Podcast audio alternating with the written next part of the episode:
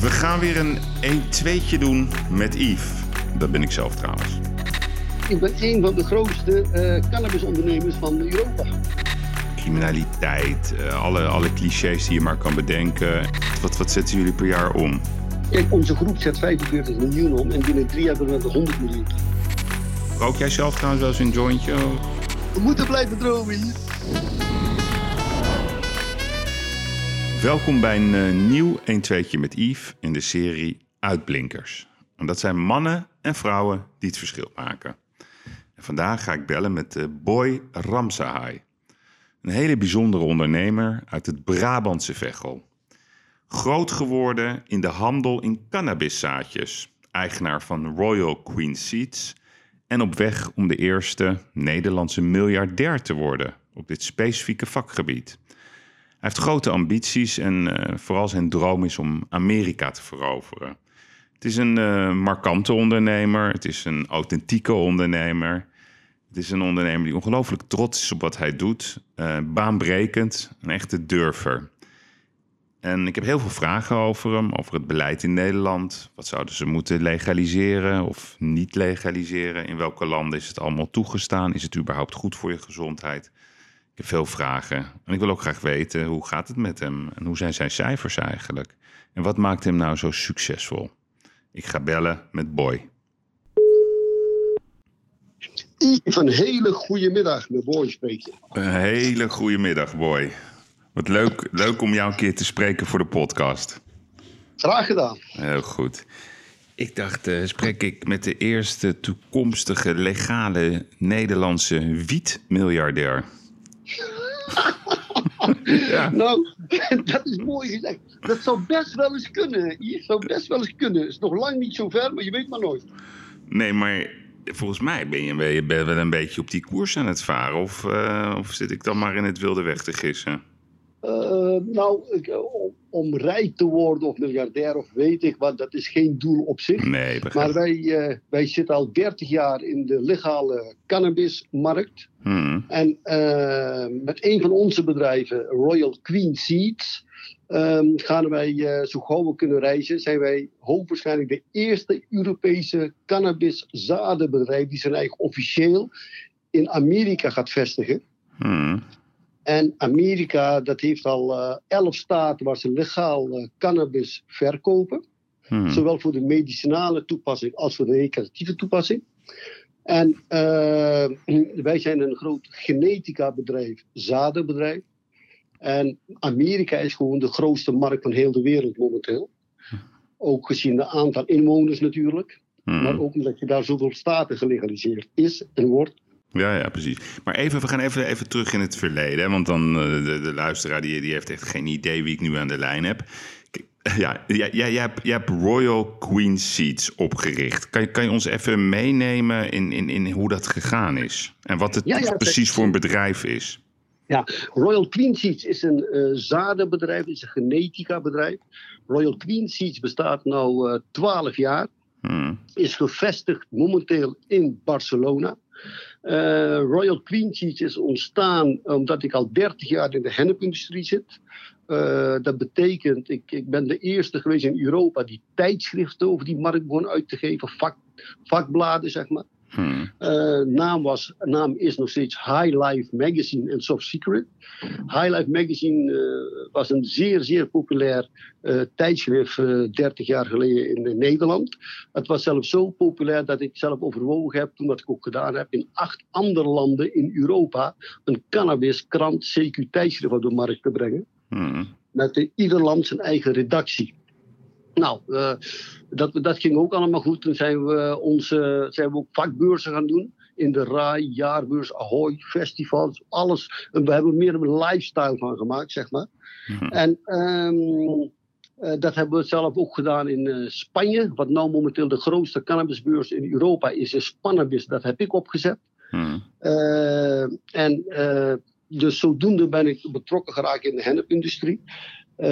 Er kwam een jaar of, even kijken, 10, 11 geleden kwam iemand die kocht heel mijn bedrijf op. Met inclusief tijdschriften en de beurzen wat ik organiseerde. De vakbeurzen in Europa. Wanneer was dat? Plus minus 10 à 11 jaar geleden. Ja, ja. ja. En, want wij zijn puur gericht op de kleinschalige, tenminste, dat was voor de, voor de tijdschrift High Levels of Secret. Uh, toen dacht ik, god, ik moet toch wat gaan doen. Ben ik een zadenlijn begonnen wat de Royal Queen Seeds heet. En um, waarom zijn we zadenlijn begonnen? We zagen heel duidelijk dat er heel veel uh, animo was voor goede genetica. En speciaal gericht op de kleinschalige kweek. Dus kleinschalige kweek bedoel ik op vijf zaadjes, drie zaadjes, tien zaadjes. Dus niet voor de grote kwekers.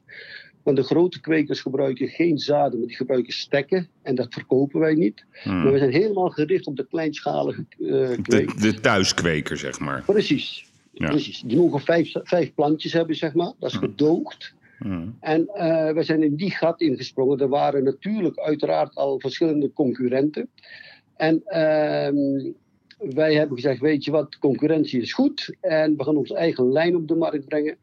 En naast het uh, offline hebben we ook online uh, flink uh, onder handen genomen. En momenteel zijn we in Europa de grootste cannabiszadenbedrijf van Europa. Ja, ja. Want, want waar, waar, waar um, produceer jij die zaden? Waar komen die allemaal vandaan? Ja, die worden geproduceerd in uh, Spanje. Hmm. En we hebben ons bedrijf in Barcelona. Vanuit Barcelona bestieren we eigenlijk heel Europa. En Zuid-Afrika, want sinds kort, sinds een jaar geleden, is de Zuid-Afrikaanse markt op verschillende plaatsen opengegaan. Daar zijn we ook gevestigd. En aankomend jaar, CQ, eerste kwartaal 2021, willen we zeker in Californië en Amerika gaan zitten. Om te produceren? Te produceren, te verkopen. Uh, zeg maar een soort dispensaries, wat in Nederland coffeeshops is. Uh, dispensaries te openen. willen gewoon op de stip van Las Vegas willen we de RQS shop gaan openen eind 2021. Want hoe, hoe kijk jij zelf zeg maar, naar, naar het beleid? Hè? Kijk, want in Nederland is het natuurlijk best wel heel raar. Hè? Je kan gewoon op elke hoek van de straat kan je een jointje kopen of, of een paddo of hoe je het noemen wil. Maar, ja. maar telen is illegaal. Hoe, hoe, kijk jij naar dat beleid? Ja, nou, kijk, Nederland liep eerst heel erg voor. Wat, uh, wat betreft de ontwikkeling van de cannabisbranche, hennepbranche. Um, dat is natuurlijk afgelopen vijf jaar lopen we twintig jaar achter. Als je kijkt wat er allemaal in uh, Amerika kan en wat daar allemaal gebeurt, dan zijn we links en rechts zijn we met 100 km per uur ingehaald door die landen. Omdat daar gewoon het, uh, mits je de vergunning hebt, het kweken van cannabis legaal is, het veredelen van genetica legaal is, het distribueren is legaal. Uh, alles is legaal daar geworden. Ook in, in Canada bijvoorbeeld, heel, heel, het land is legaal in Canada. Daar is zowel telen als verkoop, zeg maar. Ja, ja. telen als verkoop als distributie hmm. is legaal daar. Die moet je wel, uiteraard, moet je wel license hebben om dat te kunnen doen. Ja. En uh, een mooi voorbeeld is als je Canopy bekijkt. Canopy is de grootste kweekbedrijf in de wereld momenteel die uh, cannabis kweekt. Daar praat je over, nou ja, uh, daar is de tomatenteelt, dat is giga, giga, giga. Dat is echt mega, dat kun je niet voorstellen. Ik ben, daar, ik ben daar naar kwekerijen geweest, wat gewoon dubbele verdiepingen waren. En dan kijk je allemaal voor je, dan zie je alleen maar cannabisplant. Dat kun je niet voorstellen, zo is het wel. En um, uh, toen Canada gelegaliseerd werd, toen zijn er ook daar verschillende grote, hele grote bedrijven ingestapt. Een van de grootste bedrijven die Canopy mee geïnvesteerd heeft, is uh, een van de bierbrouwers, die Corona. Corona bier, de moeder was. Grappige naam, hè? ja, zeker. Hè? Vooral in deze tijd natuurlijk, met de COVID. Ja. Maar Corona bier, die heeft daar toen 4,2, 4,3 miljard dollar in geïnvesteerd. Hmm. En uh, waarom hebben ze dat gedaan? Want toen, uh, van tevoren was Californië natuurlijk al uh, opengegaan voor de cannabisteelt. En de grote bier- en wijnproducenten zagen dat de alcoholverkoop naar beneden liep. Ja. En dat had te maken omdat de cannabis gelegaliseerd werd en de mensen in Californië gingen meer roken als drinken. En dat is een van de redenen geweest dat de coronabier, de moedermaatschappij uit Zuid-Amerika, uh, dat die gezegd hebben, weet je wat, we moeten absoluut een belang in dit soort kweekbedrijven gaan nemen in de cannabiswereld, want dat wordt de nieuwe, nieuwe trend. En als je onze Heineken neemt hier in eh, Europa, in Nederland, die hebben uiteraard zit ook in Zuid-Amerika. Heineken is als een van de eerste bierbrouwers, hebben ze een drank op de markt gebracht, een bier met THC in Zuid-Amerika. Ja, ja. Hey, want, want ben jij zelf um, voorstander om het telen te legaliseren in Nederland? Oh ja, zeker. Het, is, het zou goed zijn voor de consumenten. Want het, uh, het is natuurlijk, uh, als je ziet dat er bijna een miljoen blowers, 700.000 aan miljoen blowers in Nederland zijn.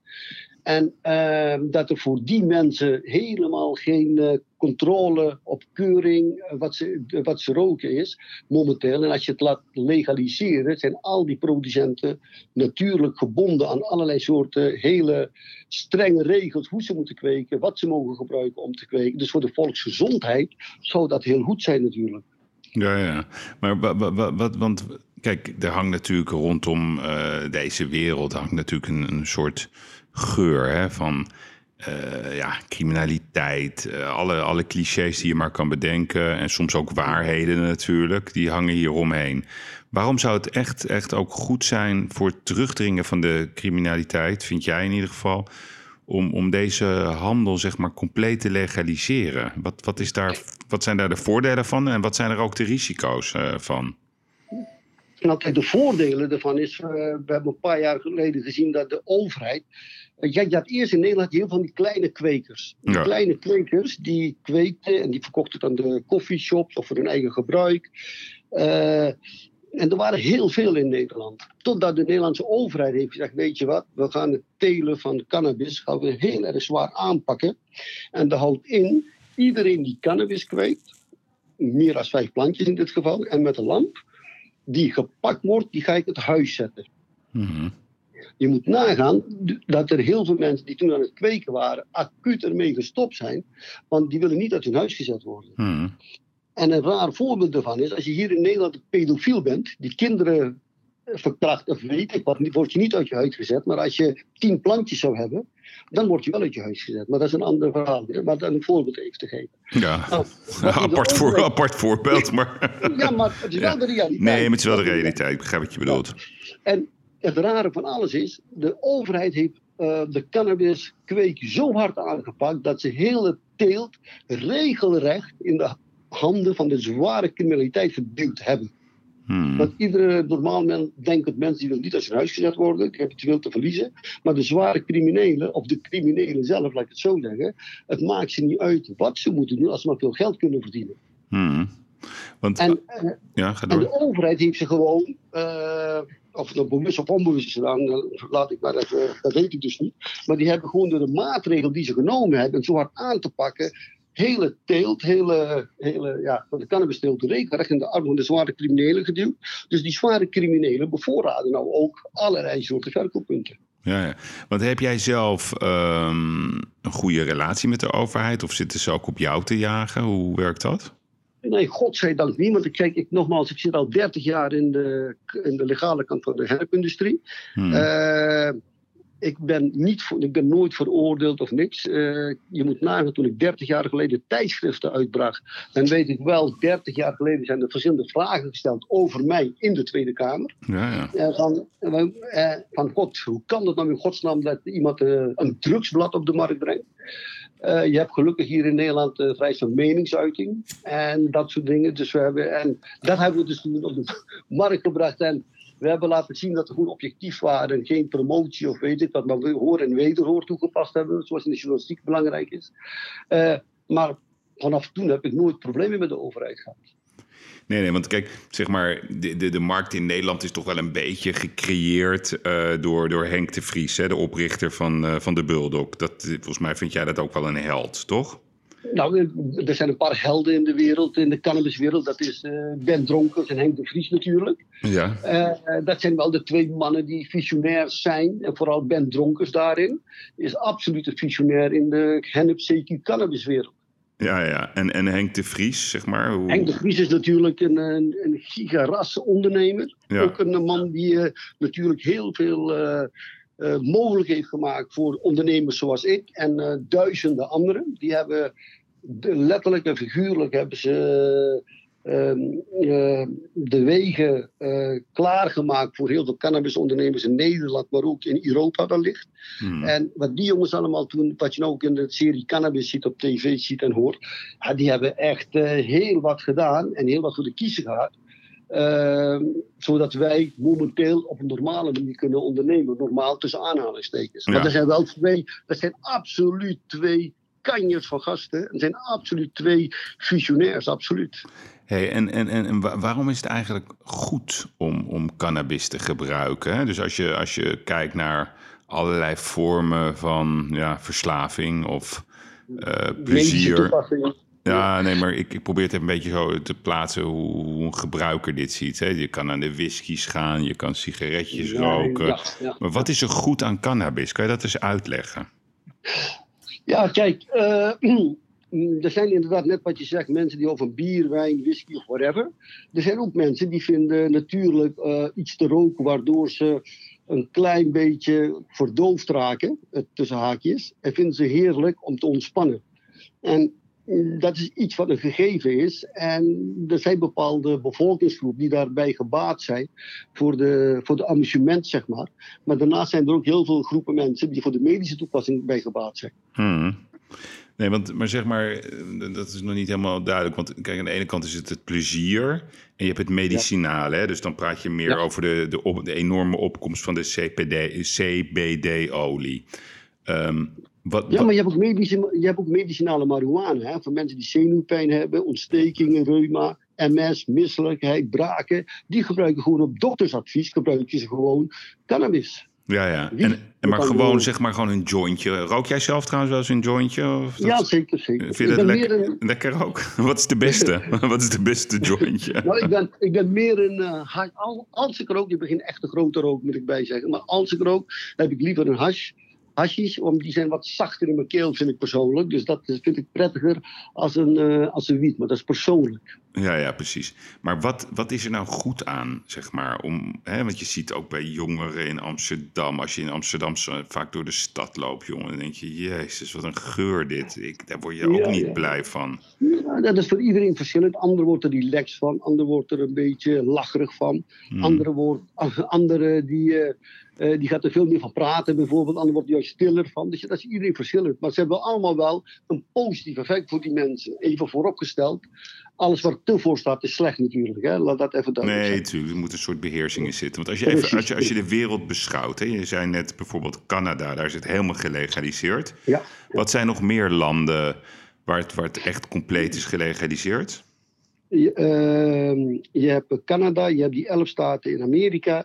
Je hebt dadelijk, uh, 2021 wordt in Luxemburg medicinaal cannabis gelegaliseerd. Hmm. Uh, je hebt in Portugal, waar ook al medisch cannabis uh, mogelijk is. Tevens heb je natuurlijk in Zuid-Amerika, heb je, hoe die ding, klein, klein landje, pop, pop, pop, kan honderd eentje zeggen. Peru?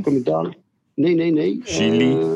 Nee, Chili niet. Uh, pom, pom, Honduras. Uh, ja, ik weet nee. Hm. Klein, klein. Uh, ja. die, die is helemaal gelegaliseerd. Ehm, en maar het mooie is, als dadelijk, als dadelijk Amerika verder gaat legaliseren. Kijk, Amerika is war on drugs begonnen. Op het moment namelijk dat Amerika alles gaat, de cannabis gaat legaliseren, kun je donder op zeggen. Ik denk dat binnen vijf jaar heel de wereld gelegaliseerd is. Ja, ja. En, en Europa loopt nog heel erg achter op de legalisatie. Heel zwaar achter zelf. Denk alleen maar aan de werkgelegenheid. Denk aan de belasting wat mensen kunnen uh, heffen op de cannabisverkoop, teelt van cannabis. Uh, dat zou heel veel geld in het laadje brengen voor de overheid. Maar Europa loopt er ver achter en we hopen met z'n allen dat Europa het licht gaat zien. En dat ze daar net zoals Canada en Amerika onder andere ook uh, hier alles zullen gaan legaliseren. Want doe jij, lobby jij ook zeg maar in Brussel hè, om, dit, om dit te legaliseren? Want die hebben daar best wel invloed op, denk ik. Ja, zeker. zeker. Wij zelf niet, maar wij uh, ondersteunen wij financieel wel allerlei soorten lobbygroepen die in uh, Brussel zijn om dat te bewerkstelligen. Absoluut. Want hebben jullie, is, is er een soort cannabisbrancheorganisatie? Bestaat dat? Ja, je hebt een uh, eh, BCD, dus niet CBD, maar BCD. Dat is een coffeeshoporganisatie in ja. Amsterdam. Uh, je hebt, uh, dus die, die, die lobbyen natuurlijk heel erg veel. Maar een echt cannabisorganisatie die puur op de cannabis gericht is, die, die, uh, dat is, BCD is wel een van de grootste. Want hoe groot is die markt in Nederland, zeg maar, die, die hele industrie waar je het over hebt? Nou, de roken plus minus 700 à miljoen mensen in Nederland. En dus dat zijn een aantal, maar het gaat over miljarden natuurlijk. De, Nederland, de Nederlandse markt. En, en, en, en zeg maar de, de, de, illegale markt, is dat ook bekend hoe groot die is? Oeh, dat is bij mij niet bekend. Want bij ons, ja, kijk, wij zijn met Royal Queens richten ons puur op de kleinschalige kweek. En wij zijn helemaal, wij zijn helemaal niet uh, bekend met de illegale markt. En ja, dus ja, dat, dat, dat ja, dat, ja, weet ik niet. Nee, want jullie zijn, zijn een website. Wat, hoe, hoe groot is dat bijvoorbeeld in omzet? Wat, wat, wat zetten jullie per jaar om? Kijk, onze groep zet 45 miljoen om en binnen drie jaar hebben we de 100 miljoen toe. Ja, ja, ja. En dat is een, een, een goede winstcijfers, denk ik dan zomaar. Ja, ja, ja, absoluut. Wij, uh, wij hebben absoluut goede winstcijfers. Kijk, het is een niche-markt waarin we zitten. Maar praat je dan uh, over 20, 30 procent winst wat je maakt per jaar? Nou, meer. Meer, meer nog zelfs, jeetje. Ja. Dus uh, buitengewoon lucratief.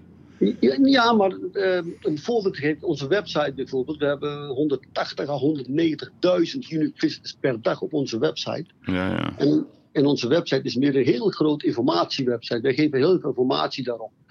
En uh, over heel de wereld komen mensen op onze website terecht. Dus wij zijn uh, qua vindbaar heel goed te vinden. Mm. Dus, dus, dus, dus jij levert vanuit, want van, van, vanuit waar wordt dan geleverd? Dus een, een consument, ja, dus, dus een consument bestelt eigenlijk in Barcelona. Vanuit Barcelona belever je dan de hele wereld. Nee, nee, nee, Europa. Europa. En wat zijn Europa. zeg maar de, de, de, de vijf, wat is jouw top vijf landen? Dus uh, wie, wie de, de, wat zijn de enthou meest enthousiaste gebruikers? Dat zijn de wet van grote getallen. Hè? Dat is Duitsland, Frankrijk, Italië, uh, Engeland, Oostenrijk. Ja, ja. En, en Nederland? Welke plek neemt Nederland in op het bestel? Van Sade. Ja? Ja, dus, ja dat ik denk zeven, achtste plek misschien. Ja, ja dus dat is best ja, nog wel ja. laag eigenlijk. Ja, maar het is ook een wet van grote getallen. Hoe groter het land, uh, hoe meer mensen bestellen. Maar in Europa, wat zijn dan de grootste thuisstelers van, vanuit jouw uh, perceptie ja, bekeken? Die, vijf plantjes, de, nogmaals kleinschalig, dat zal uh, Frankrijk, Duitsland, Italië, dat, Engeland. Die landen. En, ja, en, en kan je dat ook vertalen in mannen en vrouwen? Ja, we kunnen zelfs mannen en vrouwen, we kunnen zelfs vertalen in. Uh, Want hoe zit dat? Wat in Parijs, wat, in Parijs, wat, wat mensen in Parijs kopen, kunnen we op onze website zo zien natuurlijk. Dus dat kunnen we allemaal vertalen. Dat is meer mannen als, meer als vrouwen. Zeg maar 80% mannen, 20% vrouwen. Ja, ja dus 80%, 20%. Ja. En in leeftijden, heb je daar ook zicht op? Ja, dat is uh, variërend uh, dus, tussen de. Uh, ik denk 20 tot 40, zoiets. Dat is zeg maar de kerngroep van gebruikers. Ja, ja, ja, en dat zijn dan mensen die, die doen eigenlijk aan thuisstelen. En, en geven jullie ze dan ook les hoe je, hoe je moet thuis... Kan jij dat eens even in Jip en Janneke taal uitleggen? Hoe je, hoe je dat moet doen? Nee, we hebben dus op onze website hebben we complete tips en tekst en uitleg hoe ze het moeten doen. Uh, hoe de kleinschalige kweek eruit ziet. Met de nadruk kleinschalig. En uh, als je hoe je moet ontkiemen met, uh, en wat je niet moet doen en hoe lang het duurt. Dus alle, op onze website staat al die dingen weergegeven. Dus ja, kind kan het was doen. Ja, ja. Hey, en, en jij zelf, hè? jij komt oorspronkelijk. Jij bent geboren in Suriname, volgens mij? Ja, ja, ja. ik ben geboren in Suriname. Dus, dus, dus jullie hebben. Ja, die, die, die ken je wel, de Brabo-neger. ja. ja, ja, die, heeft ja, wel, ja, die vind ik een grappige jongen. Maar jij bent eigenlijk de, de Surinaamse uh, Brabo-teler. Ja. En, en dan woon je ook nog eens in een heel religieus dorp als Veghel. Hoe kijkt men naar jou? Ah, Veghel is toch niet zo religieus? Nou, een beetje, een beetje. Maar hoe, hoe kijken ze naar jou? Jij rijdt ook nog in een hele mooie, dikke Rolls Royce. Ja. Wat, wat, nou, vind, kijk, wat, wat vinden ja. de mensen van jou? Of misschien niet, geen idee.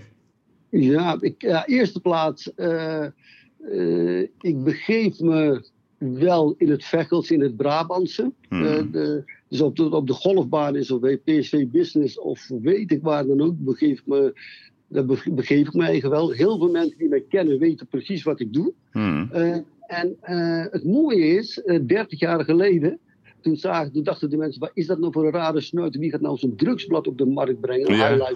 Ja. Dus ze zagen me toen als een, als een soort crimineel. Hmm. En momenteel zien ze je meer als een hele grote zakenman, visionair of hoe je het ook wilt noemen omdat ze zien hoe groot die markt is en omdat ze zien dat die markt gelegaliseerd wordt en omdat ze zien dat we pool position staan om heel veel grote landen door te gaan breken. Ja, ja. Want, want als jij zelf aan een, aan, een, aan een vreemde uitlegt, wat zeg je dan? Hoe, de ene nou, zegt ik ben advocaat, en de andere zegt ik ben dokter, de andere zegt ik ben bloembollenkweker. wat, ben, wat, ben je, wat zeg jij dan? Wat ben je dan? Ik, ben, ik zeg, ik ben een van de grootste uh, cannabisondernemers van Europa. Ja, ja. Ik ook cannabiszaden. Ja, ja, precies. En, en dan kijken ze niet raar of zo, dat ze denken, hoe? Nee, nee, nee, weet je. Nee, nee, dat niet, want... Uh, dankzij de CBD, dat woord is net ook al gevallen door jou, CBD, is heel veel uh, hennep, zeker cannabis, uh, producten is uh, voor heel veel mensen geaccepteerd. De CBD, we hebben trouwens ook een bedrijf die Sipdol heet, uh, gevestigd in Zwitserland onder andere. Um, uh, Sipdol is een bedrijf die is, we zijn een producent van eigen CBD-olie en crèmes en dat soort dingen. Hmm. En dankzij de CBD-olie is de cannabis ofwel de hennepplant heel erg normaal, zijn de mensen het normaal gaan vinden, omdat ze zien dat het heel veel positieve effecten heeft voor mensen die het gebruiken tegen bijvoorbeeld ontstekingen of slapeloosheid en dat soort dingen. Uh, en daarom is dat meer naar acceptatie voor heel veel mensen gaan. Dat merken we heel duidelijk in Europa en zeker in Nederland. Als je, als je daarnaast bekijkt, CBD wordt verkocht in Albert Heijn, Jumbo, ja, vitamine, alles. Precies, alles. En uh, mensen accepteren, mensen weten dat het van de hennepplant komt. Even vooropgesteld, je hebt hennepplant en cannabisplant. Hennepplant is, cannabisplant is, word je high en stoned van. En hennepplant is CBD, zeg maar. Hoe hoger de CBD, hoe fijner heel veel mensen het vinden, dat ze daar rustiger van worden, bijvoorbeeld. En daar zit 0,2 of 0,3 procent met THC in, dus bijna niks. Hmm. Dus je wordt er niet stoned of high van, zeg maar.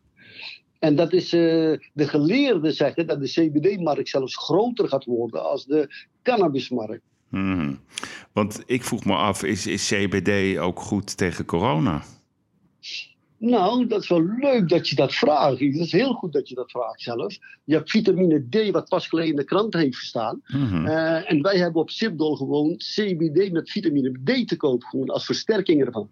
Ja, ja. Dus, dus het, zeg maar, je creëert er ook een bepaalde weerstand mee. Hè? Zoals, eh, dus hoe meer vitamine D, hoe meer weerstand er in het lichaam zit. En over twee weken komen wij met, op komen uit met de immuun-CBD. Immuun eh, van CBD, wat voor je immuunproduct wat voor je, wat voor je lichaam heel goed is. Want daar zit ook CBD in. En, en praat jij nou bijvoorbeeld ook met de minister van Volksgezondheid in Nederland over dit onderwerp, of dat niet? Wij, uh, wij helaas niet, maar uh, wat wel het geval is, je hebt, uh, in Europa heb je novel food applicaties. En er zijn bijvoorbeeld 70 bedrijven hebben de novel food applicatie ingediend in Europa om novel food stempel te krijgen. Dat houdt in, als je dat hebt, dan mag je je CBD wat je hebt als producent mag je dat in je eten en drinken gebruiken. Hmm. Van de 70 zijn er maar drie bedrijven over die voor zo'n applicatie in aanmerking komen. En dat is Sipdol, een van de bedrijven in heel Europa. Uh, daarmee aan te geven is van uh, wij praten niet rechtstreeks met uh, dat soort mensen, maar wel, we zitten wel bij allerlei soort organisaties aangesloten. En die praten wel met de minister van Volksgezondheid over dit soort dingen. En, en, en waar wordt zeg maar eh, CBD geproduceerd? Ons CBD wordt eh, geproduceerd in Basel, in Zwitserland. We hebben daar een laboratorium. Hmm. En uh, daar maken we de pasta en uh, dat soort dingen. Uh, vanaf daar komt het hier naar Nederland toe, in Sint-Oederode. En daar mengen we het en bottelen we het. En dat verkopen we door Europa. Ja, ja. Tevens is het zo, we hebben een bepaalde samenstelling gemaakt voor uh, CBD voor uh, Japan. En uh, in samenwerking met de douane in Japan en Zwitserland zijn we de eerste legale CBD-leverancier in Japan geworden. Ja, ja mooi zo. Wat, kan je eens even uitleggen, wat zit er allemaal in, CBD? Wat zit er daar allemaal voor kruiden en ingrediënten in? Nee, het is cannabinol. cannabidinol. CBD, zijn heel, een hennepplant heeft heel veel cannabidinolen. En uh, CBD is één van de dingen. Je hebt CBN, CBG, CBA, ga zo maar door. En, uh, dus dat, is, dat, dat zijn bepaalde stoffen. En wij mengen dat of met hennepolie of met uh, olijfolie om het beter in te nemen. Ja, ja, maar er zitten geen kruiden in of zo. Het zijn stoffen. Nee, nee. Ja, en nu zijn we bezig ook met bepaalde smaken, zoals pepermuntsmaken, of uh, mango smaken of whatever, om de smaak wat milder te maken voor de mensen. We hebben ook softgel, die gaat open in jouw maag pas, dus heb je geen last van de smaken. En, en zeg maar, maar hoog geconcentreerd. bedrijven zoals, zoals Philip Morris, uh, Tobacco, uh, hoe heet het, American Tobacco, zitten die ook al in deze handel? Ja, BAT bijvoorbeeld. Ja, British American Tobacco. Ja. ja. En Philip Morris, ja, je hebt inderdaad ook verschillende. Ehm, ik kan geen namen noemen, maar er zijn, we hebben verschillende aanvragen lopen via ons. Van dat die mensen ook producten aan het ontwikkelen zijn. En waarom ze bij ons gekomen zijn, is omdat wij een van de drie bedrijven zijn die Novel Food aanvraag heeft lopen. Van de 70 zijn wij een van de drie die over zijn gebleven. Dus op het moment dat die aanvraag gaat vallen, hmm. En we hebben een stempel op, zeg maar. Uh, dan zullen een paar hele grote brouwerijen acuut bij ons aan de deur rammelen. Mhm. Want hun willen graag een drank op de markt brengen. Of nou Coca-Cola is of bierbrouwen, maakt even niet uit. Uh, want die willen graag uh, drank op de markt gaan brengen met iets wat 100% legaal is. Ja, ja. Want ik kan me zo voorstellen dat dat soort partijen ook aan jouw deur staan te kloppen om je over te nemen. Gebeurt dat dan? Dat is, ja, dat is vorig jaar gebeurd. En dit jaar uh, is dat ook verschillende keren gebeurd. We krijgen wekelijks, maandelijks minimaal drie à zes telefoontjes van private equity of andere partijen die met ons willen praten of, uh, uh, of willen participeren. Omdat ze nogmaals, we hebben twee hele belangrijke dingen. Dat A, de Novel Food staat voor Sipdol. En daarnaast, we zijn de grootste in Europa met de cannabiszaden. En we gaan nou naar Amerika vestigen. Dus heel veel grote jongens zien ook dat die markt gaat ontploffen. Wordt een miljardenmarkt. Hmm. En uh, die zien dat en die willen graag er ook in mee gaan doen, wat ook verderop is. En dat zoeken grote partijen die er al groot in zijn. Die zeggen, dan komen ze automatisch bij ons omgaan. Want hoeveel klanten hebben jullie per jaar? Oeh, oh man, de vraag je me dat. Uh, kijk, we verkopen offline en online. Hè, dus dat is uh, verschillend. Maar om een voorbeeld te geven, we hebben per dag gemiddeld, zeg maar, tussen de 100 en 110. Even kijken, we hebben tussen de ja, offline is het moeilijk te zeggen, want wij, wij verkopen het aan distributiekanalen. Hmm. En die verkopen het weer aan, uh, aan, aan winkels. Uh, maar we hebben per dag zeg maar tussen de 1000 à 1200 bestellingen per dag. Per dag al, jeetje. Per dag, ja. ja. online, hè? Online heb ik het ook. Ja, ja dus, je, dus je, hebt, je zit op 400.000 bestellingen alleen al per jaar. Ja, als je, het zo, als je goed kunt, uh, als je, je bent goed te rekenen, denk ik. Ja, ja, ja, dat heb ik geleerd op school. ja. Maar ja, inderdaad. Wat, wat, is, wat is jouw, jouw persoonlijke uh, ambitie? Wat, wat, hoe, hoe, sta je in deze wedstrijd? Als morgen iemand komt met een offer you cannot refuse, ga je dat dan doen? Nou, die zijn er al geweest. Uh, maar kijk, we zijn, daar praat ik niet alleen van mezelf, maar ik praat voor mijn team. Hmm. We zijn nog niet klaar met de wedstrijd. We gaan al pas beginnen. Uh, kijk, dat is natuurlijk, als je 1930, 1933 bekijkt, toen was de laatste keer dat het product gelegaliseerd was. Dat was de alcohol.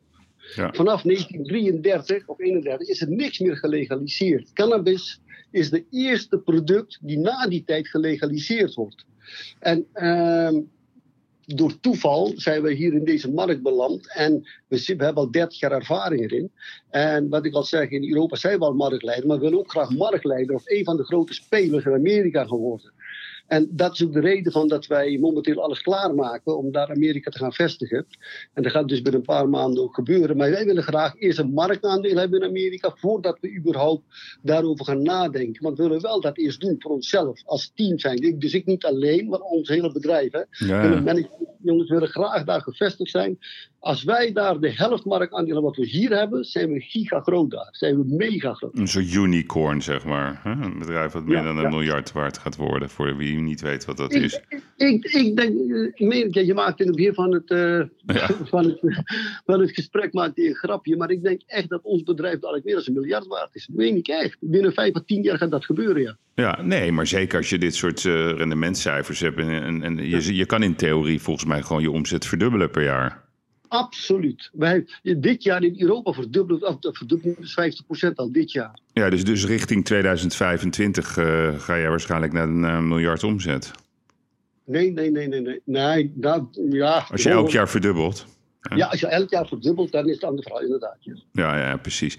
Hey, en, en, en wat is jouw droom? Heb je nog een soort droom? Is dat gewoon meer dat je in al die landen gewoon uh, de grootste wil worden? Is, is een soort... ik, ik, ik, vind dit wel een hele mooie vraag, hier. Ik vind dit wel een hele mooie vraag. Hmm. Kijk, ik, ik zeg tegen mijn kinderen, ik zeg ook altijd, ze moet je luisteren, je moet altijd dromen in het leven hebben. Hmm. Een van de mooiste dingen, kijk we wonen in een geweldig mooi land, Nederland is natuurlijk een geweldig mooi land. Als je ziet uh, wat allemaal mogelijk hier is. En uh, als je Nederland hard werkt, dan kun je heel goed hebben. En ik vind ook dat wij als mensen zijnde, hier als Nederland zijnde, moeten we dromen hebben. Hoe jong of hoe oud je bent, hoe klein de droom is, hoe groot de droom is, maakt niet uit. Je moet dromen hebben. En ik ben in die omstandigheden dat ik heel veel dromen van mijn waarheid gemaakt heb. Mijn, mijn, een van mijn grootste dromen momenteel is Amerika. Ik wil in Amerika net zo succesvol zijn als in Europa. Als ik dat ben, dat is mijn grootste droom momenteel. Ja, ja. verschillende redenen. Als, ik, als me dat lukt, en uiteraard gezondheid, familie, kinderen, laat ik even voorstellen, moet eerst zijn. Maar zakelijk gezien is dat mijn grootste droom momenteel. Om echt gewoon, als we in Amerika net zo groot worden als Europa, zijn we gewoon wereldleider. Ja, mooi, knap. Want uh, voor wie het niet weet, je bent met niks begonnen, hè? Ja, kijk, ik was acht jaar toen ik uit Suriname kwam. Ik, uh, ik ben hier in Brabant opgevoed, in uh, Sint-Oederode. Hmm. En mijn moeder en vader waren gescheiden. En we, hebben, we, hadden, we hebben gelukkig nog steeds twaalf broers en zussen, inclusief mij meegeteld. Dus zonder mij elf. En uh, we woonden in een eengezinswoning met acht mensen erin, stapelbedden en noem maar op toen ik 12 was, moest ik zelf voor mijn kleren werken. Met uh, tomaten plukken, krantjes uitdelen, weet ik wat allemaal. Mijn moeder kon er helemaal niet rondbreien natuurlijk. Dus vanaf mijn twaalfde werk ik al. En ik ben inderdaad het bedrijf met 0,0 cent begonnen. En ik heb veel geluk gehad. Ik heb geluk dat ik goede mensen om me heen heb verzameld in de loop der jaren. En in de loop der jaren hebben we ook een, uh, ja, een miljoenenbedrijf van gemaakt. En Dino Marktleider, daar zijn we heel dankbaar voor zelfs. Knap, heel knap. Ik, ik ken trouwens nog zo'n hele bijzondere ondernemer uit Sint-Oederode. Ken je die, Paulus van den Berg? Maar wat een kanon van een bedrijf is dat met die bomen. Jong, ik, heb, ik, ik, ik, zou je een leuk verhaal vertellen. ik heb best wel mooie zaken met hem gedaan. En op een gegeven moment had hij me uitgenodigd op zijn uh, boomkwekerij in Sint-Oederode. Nou, ik, ik, ik, ik, keek mijn ogen uit. Het was zo gigantisch. Dat is volgens mij Amsterdam buitenvelden. Uh, zo groot. En toen op een gegeven moment, toen, uh, toen stonden we bij een boom. En, ik, en hij werd helemaal geëmotioneerd door die boom. En toen dacht ik, kijk, dat is de echte ondernemer. Het ging hem helemaal niet omdat hij de grootste was, de beste boomkweker. Maar hij houdt gewoon van bomen. Dat vond ik zo'n mooi moment. Die man was gewoon verliefd op zijn bomen. Passie. Passie, passie hè? Focus, ja. en passie. Ja, want kijk, wat, jij, jij praat er als, over alsof het uh, bijna normaal is. Wat, wat is voor jou nou, zeg maar, de, basis, uh, de basisregels voor een succesvol ondernemer? Ik, ja, focus. Focus. Passie. Passie. Uh, die twee dingen, weet je wel. Als je dat hebt en je, bent, en je, je kunt daarnaast goede mensen om je heen verzamelen, dan kun je, ben je heel veel dingen in staat. En als je A zegt, ook A doen, weet je wel. Uh, ja is ja, nee is nee. Ja, precies. Ja, nou, duidelijk. Ja. Nou, dankjewel uh, Boy voor je openhartigheid. We gaan je volgen. Ik vind, ik vind het knap. diep onder de indruk. Dus ik, ik, hoop dat het je gaat lukken, die, die eerste unicorn billionaire. de, de first cannabis unicorn billionaire uit Veghel. Hoe mooi is dat? Hè? We moeten blijven dromen hier. hoe groot of hoe klein die droom ook mogen zijn. Altijd blijven dromen. Altijd blijven dromen. Nou, we dromen met je mee. Dankjewel. Dank je. Bedankt hoor. Bye bye. Ja, dit was weer een, uh, een nieuwe serie van uh, De Uitblinkers. Ja, ik vond het een uh, verrassend gesprek. Vooral de openheid van Boy ik erg uh, prettig. Hij uh, draaide er niet omheen en was ook buitengewoon open over cijfers en uh, allemaal dat soort dingen. Dat maakt een gesprek altijd veel leuker. Dus dank Boy voor je, voor je openhartige samenwerking en laat het een inspiratie zijn voor heel veel mensen. Dus ik denk ook de luisteraar. Ik dank u voor het luisteren. En volgende week dan ben ik er weer met een nieuwe serie van de Uitblinkers. Vrijdag ben ik er weer met mijn wekelijkse podcastshow The Gigs. Ik wens u een hele mooie week.